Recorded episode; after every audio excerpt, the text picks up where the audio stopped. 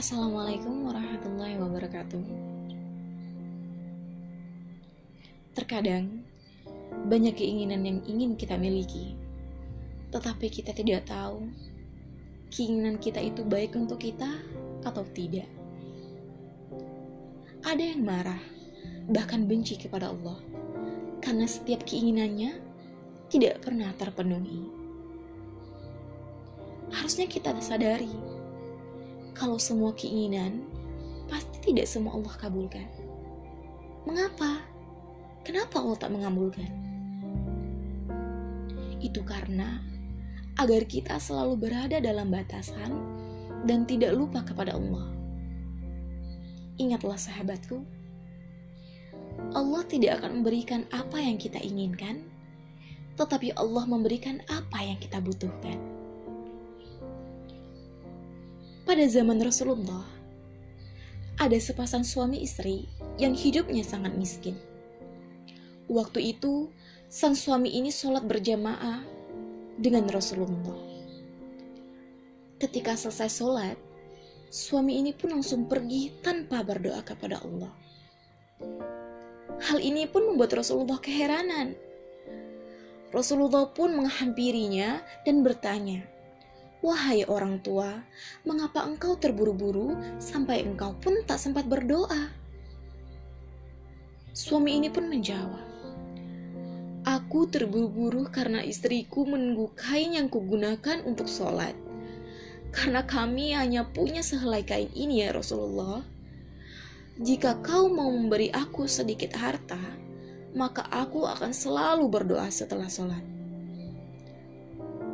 Rasulullah pun merasa iba.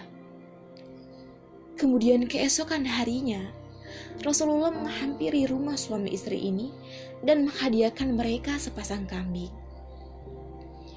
Selang beberapa bulan, suami ini tidak pernah terburu-buru ketika selesai sholat berjamaah dengan Rasulullah. Tetapi, setelah satu tahun kemudian, suami ini tidak pernah terlihat lagi untuk sholat berjamaah dengan Rasulullah. Sehingga, Rasulullah pun berniat silaturahmi ke rumah suami istri ini. Ketika sampai di rumahnya, Rasulullah bertemu dengannya dan bertanya, Mengapa engkau tidak pernah terlihat sholat berjamaah denganku lagi? Suami ini pun menjawab, Maaf ya Rasulullah, kambing yang engkau berikan kepada, kami kini telah berkembang banyak dan aku tidak bisa sholat berjamaah bersamamu. Seketika itu pun Rasulullah marah dan mengambil semua kambingnya yang pernah ia berikan kepada suami tersebut. Lalu hikmah apa yang bisa kita ambil pada cerita ini, sahabatku? Ya, seharusnya kita patut bersyukur kepada Allah atas apa yang telah Allah berikan kepada kita.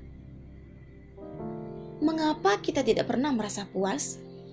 Karena kita selalu melihat orang yang lebih dari kita, bukan melihat yang kurang dari kita. Banyak kok kenikmatan yang Allah berikan kepada kita yang belum semua orang nikmati dan nikmat ini melebihi kenikmatan dunia. Nikmat apakah itu? Tentunya kenikmatan iman kepada Allah. Hidayah yang Allah berikan kepada kita serta kesehatan untuk tetap bisa beribadah, beribadah maksimal kepadanya. Karena hanya itulah yang bisa menghantarkan kita ke surganya. Tidak mengapa kekayaan bagi orang-orang bertakwa kepada Allah, tetapi kesehatan bagi orang yang bertakwa adalah lebih baik daripada kekayaan, dan jiwa yang baik termasuk nikmat yang paling besar. Hadis riwayat Bukhari. Oleh karena itu, marilah kita bersyukur kepada Allah. Bersyukur atas nikmat yang Allah berikan kepada kita bersyukur atas kesehatan yang Allah berikan kepada kita.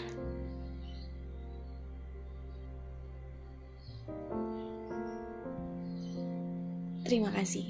Semoga kita selalu dalam keberkahan hidup dan dalam ridhonya. Wassalamualaikum warahmatullahi wabarakatuh.